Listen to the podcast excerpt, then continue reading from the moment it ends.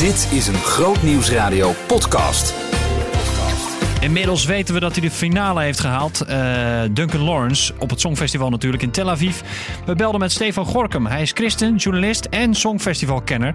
En hij gaat ons even meenemen naar de finale. En verder draaiden we deze week de Bikini Boogie Woogie. Huh? Wat is dat dan? Groot Nieuwsradio podcast. Met Maurits Reinoud. Ja, de Bikini Boogie Woogie, wat is dat? Geen idee. Toen ik het voor het eerst hoorde, dan, uh, dacht ik, uh, nou ja, dat heeft niks met groot nieuwsradio te maken in ieder geval. Niet met muziek die we hier draaien. Maar dat is dus wel zo, want we hebben hem gedraaid deze week. Wel met een verklaring hoor, want dat was wel nodig.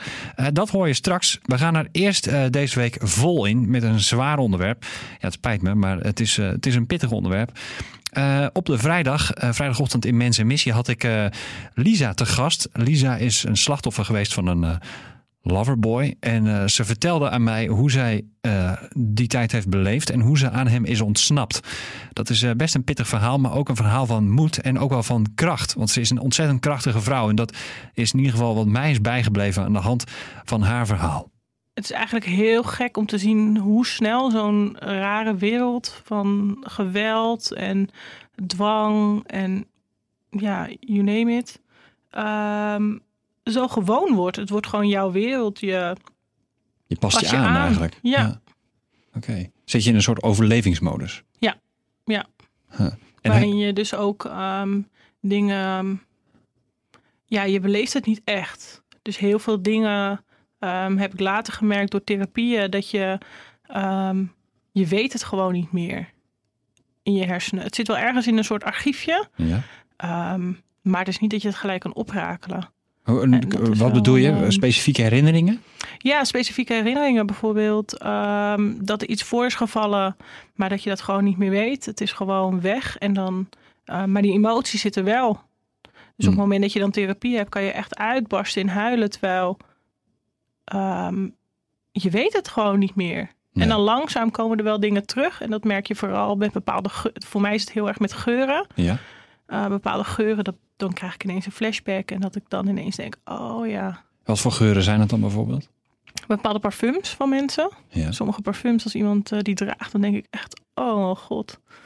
En um, ja, mensen hebben dat. Mensen kunnen daar niks aan doen. Ik bedoel, Nee. ze kiezen die parfum dat ze het lekker vinden. Ja. Maar voor mij brengt het hele herinneringen terug. En het brengt me ook terug naar um, wie die parfum dan heeft gedragen. Hmm. En, uh, maar het kan ook gewoon een geur zijn op straat. Sommige plekken hebben een bepaalde geur. Mhm. Bijvoorbeeld als je over de wallen loopt, dat heeft echt een hele aparte geur. Hmm.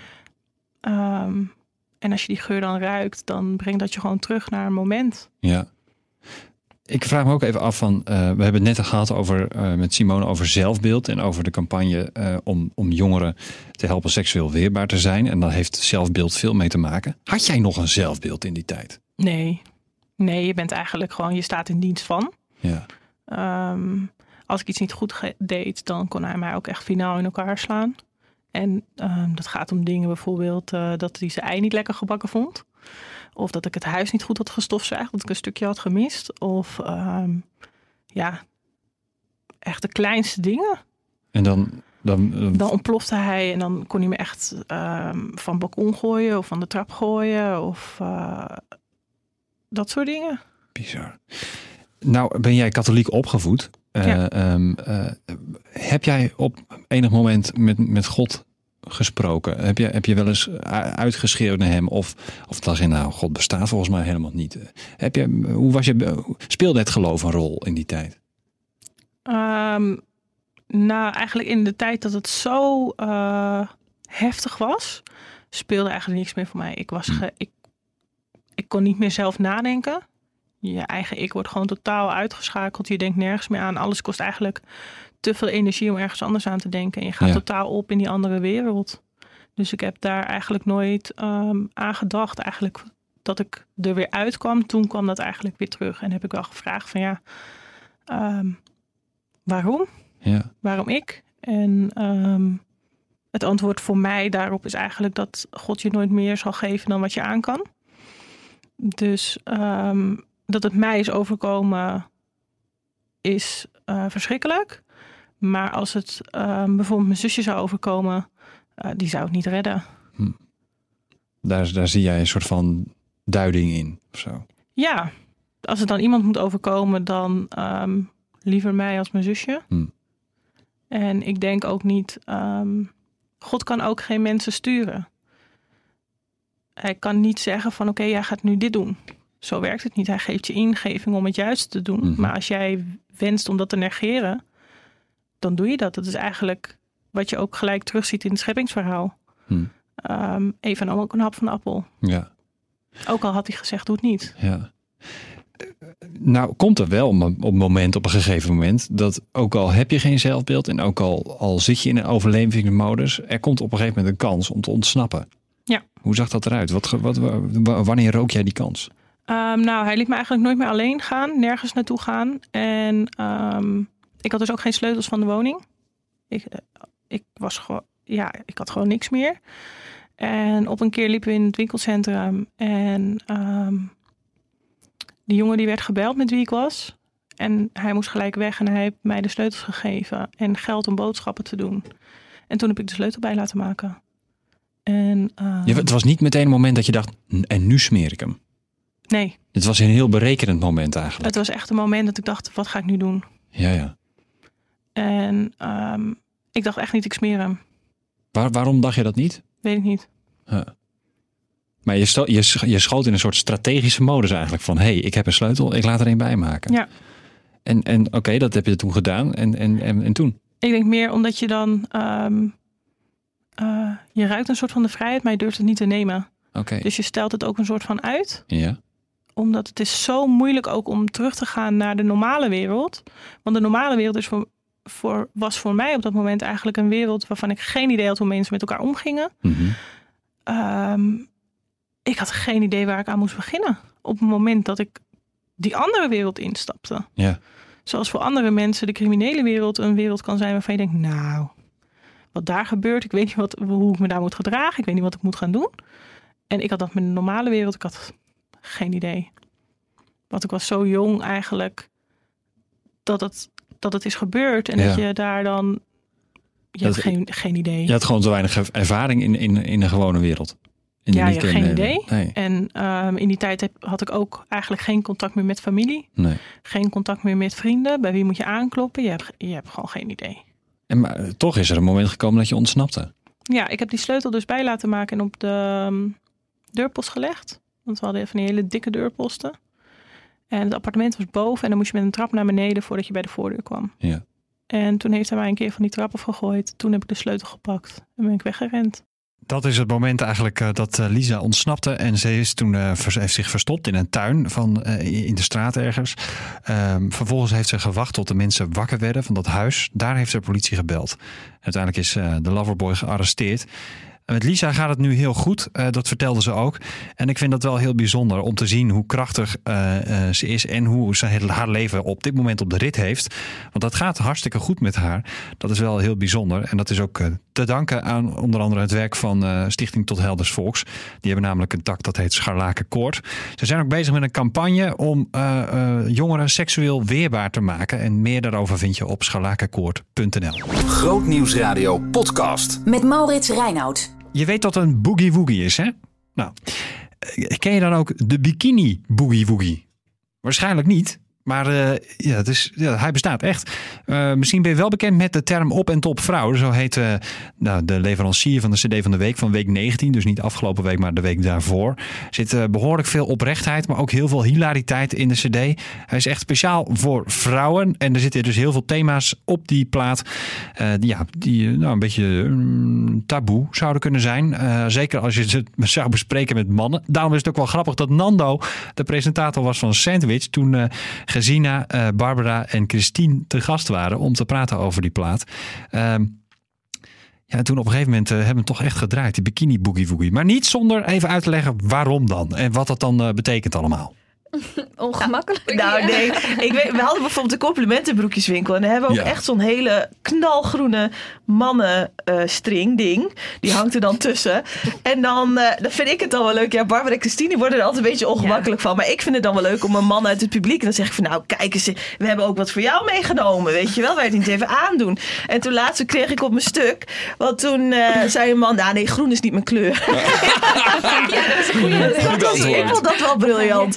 Ja. Dus, eh, maar over het algemeen vinden ze het wel leuk. Jawel. Ja. Ja. Ja. Ja. De Bikini Boogie Woogie. We gaan, eh, we gaan even naar, naar, naar de gekke nummers, zullen we zeggen. Ja. Ehm, neem ons even mee. Eh, misschien moet ik... Ja, het is misschien voor, man, voor vrouwen vrij vanzelfsprekend. Neem ons mannen even mee. De bikini boogie woogie. Ja, ehm, dat is altijd zo'n ding. We hebben hem toen geschreven naar, ook naar de, naar de kerstshow. Dat we dachten van ja, de, eh, voor de kerstshow hadden we hem geschreven. Hè? Nou, maakt het niet uit. Maar in ieder geval, dat, eh, na kerst heb je veel gegeten. En dan wil je eigenlijk weer afvallen voordat je weer in je zomerbikini kan. Dat dat zo'n ding is. Nou, ik hou helemaal niet van in de bikini lopen. Dus we dachten van nou, dat moeten wij gewoon omarmen. Je hoort veel over je zelfbeeld. Dat je daar positief in moet zijn. En dan een soort van, wat kan het me eigenlijk schelen? Ik wil gewoon lekker naar het strand en ik ga gewoon in mijn bikini. Dus wij hebben ook bikinis aan in de show. Maar eh, vrees niet in de vorm van een schort. Dus dat vinden mensen dan ook altijd Ah. heel eh, grappig. Dat Ja, je ja. dan eh, opeens met zo'n schort eh, aankomt zitten. Met een heel mooi lijf natuurlijk. Ja. Super strak afgetraind. Ja. Ja, en ja, de, de kern is eigenlijk: ben je een appel of een peer? Je bent mooi in de ogen van de Heer. De bikini is zo'n ding, daar vertoon ik me niet in. Met de kerstkilo's erbij is die veel te klein voor mij. Mijn lichaam is privé, maar toch wil ik naar de zee. Wat kan mij het schelen? Ik ga me niet vervelen, ook al heb ik witte billen. Ik zou niets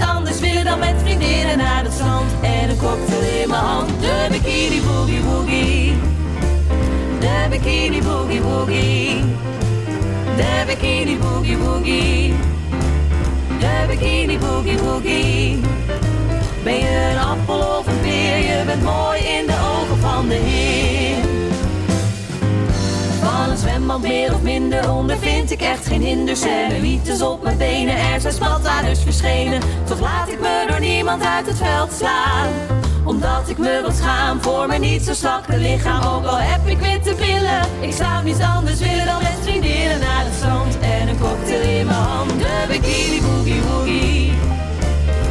bikini boogie woogie. De bikini boogie woogie. De bikini boogie woogie. Ben je een appel of een peer? Je bent mooi in de ogen van de Heer. Ik denk dat we allemaal ons wel herkennen in dit verhaal. We hebben altijd wel wat aan te merken op ons lichaam. Maar wij vrouwen mogen ook best ons mannetje staan. We zijn er nou eenmaal in alle soorten en maten. Daar moeten we het maar gewoon bij laten. Ja, en dan krijg je deze nog cadeau hoor. Let op. Geef me een B, Van buik, borsten en billen. geef me een I, Van injectie om de boel omhoog te geef tillen. me een K, Koud ijsje, calippo of een geef me een I, Een eenie mini, itsy bitsy string bikini. geef me een N, Ik voel me naakt. Niet. Je ziet me naakt. geef me een I. Alweer, Daar gaan we nog een keer. De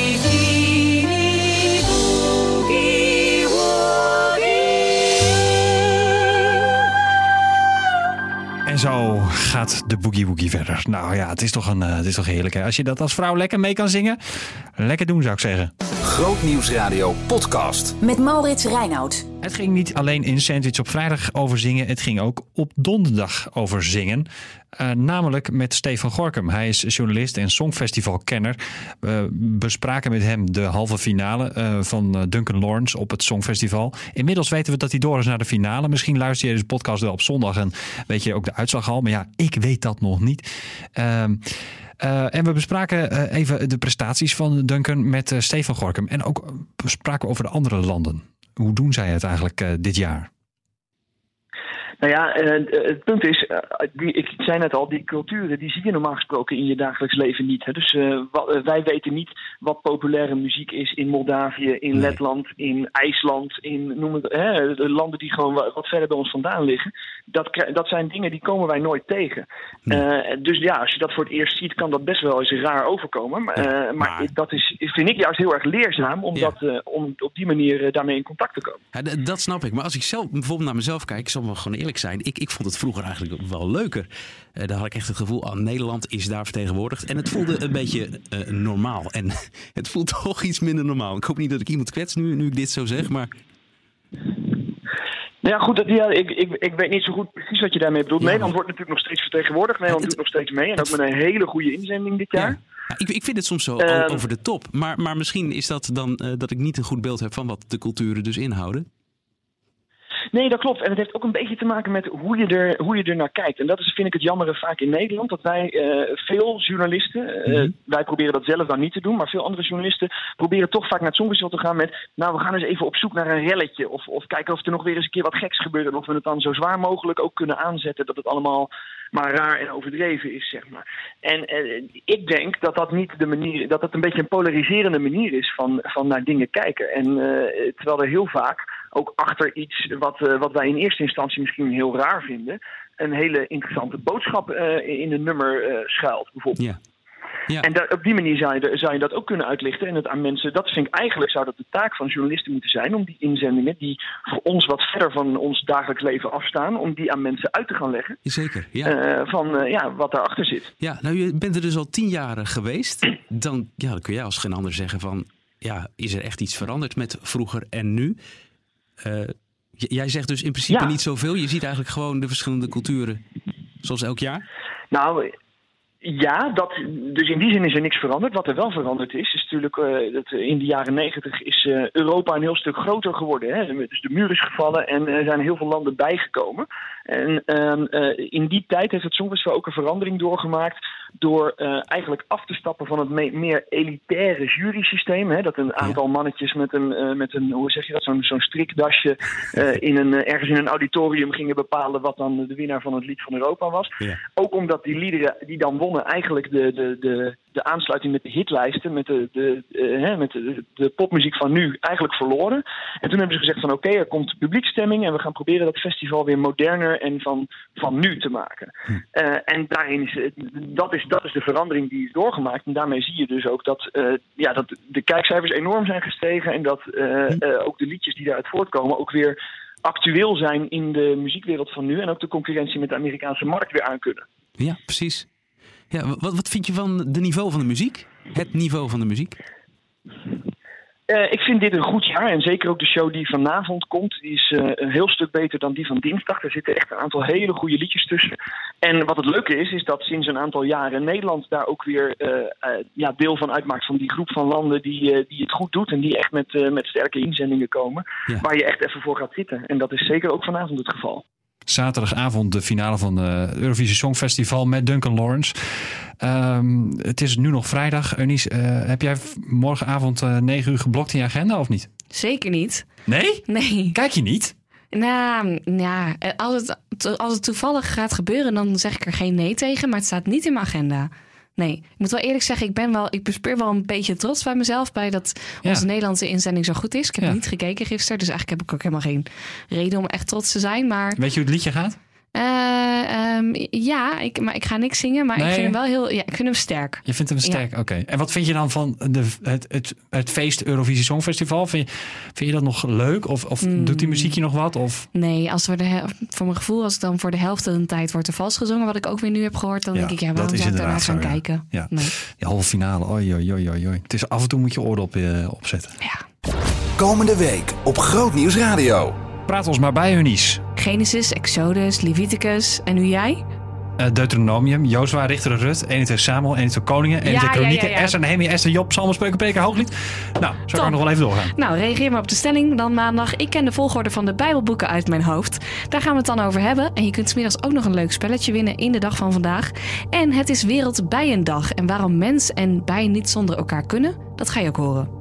Fantastisch. Leuk dat je luistert naar de wekelijkse podcast van Groot Nieuws Radio. Abonneer je even op ons kanaal Groot Nieuws Radio. Krijg je hem elke week automatisch, hoef je niks voor te doen. En laat even een recensie achter, vind ik leuk. Tot volgende week. Ontdek de nieuwste christelijke muziek. You're with me day and night. You never leave my side. Your love is loyal. Elke dag opbouwend.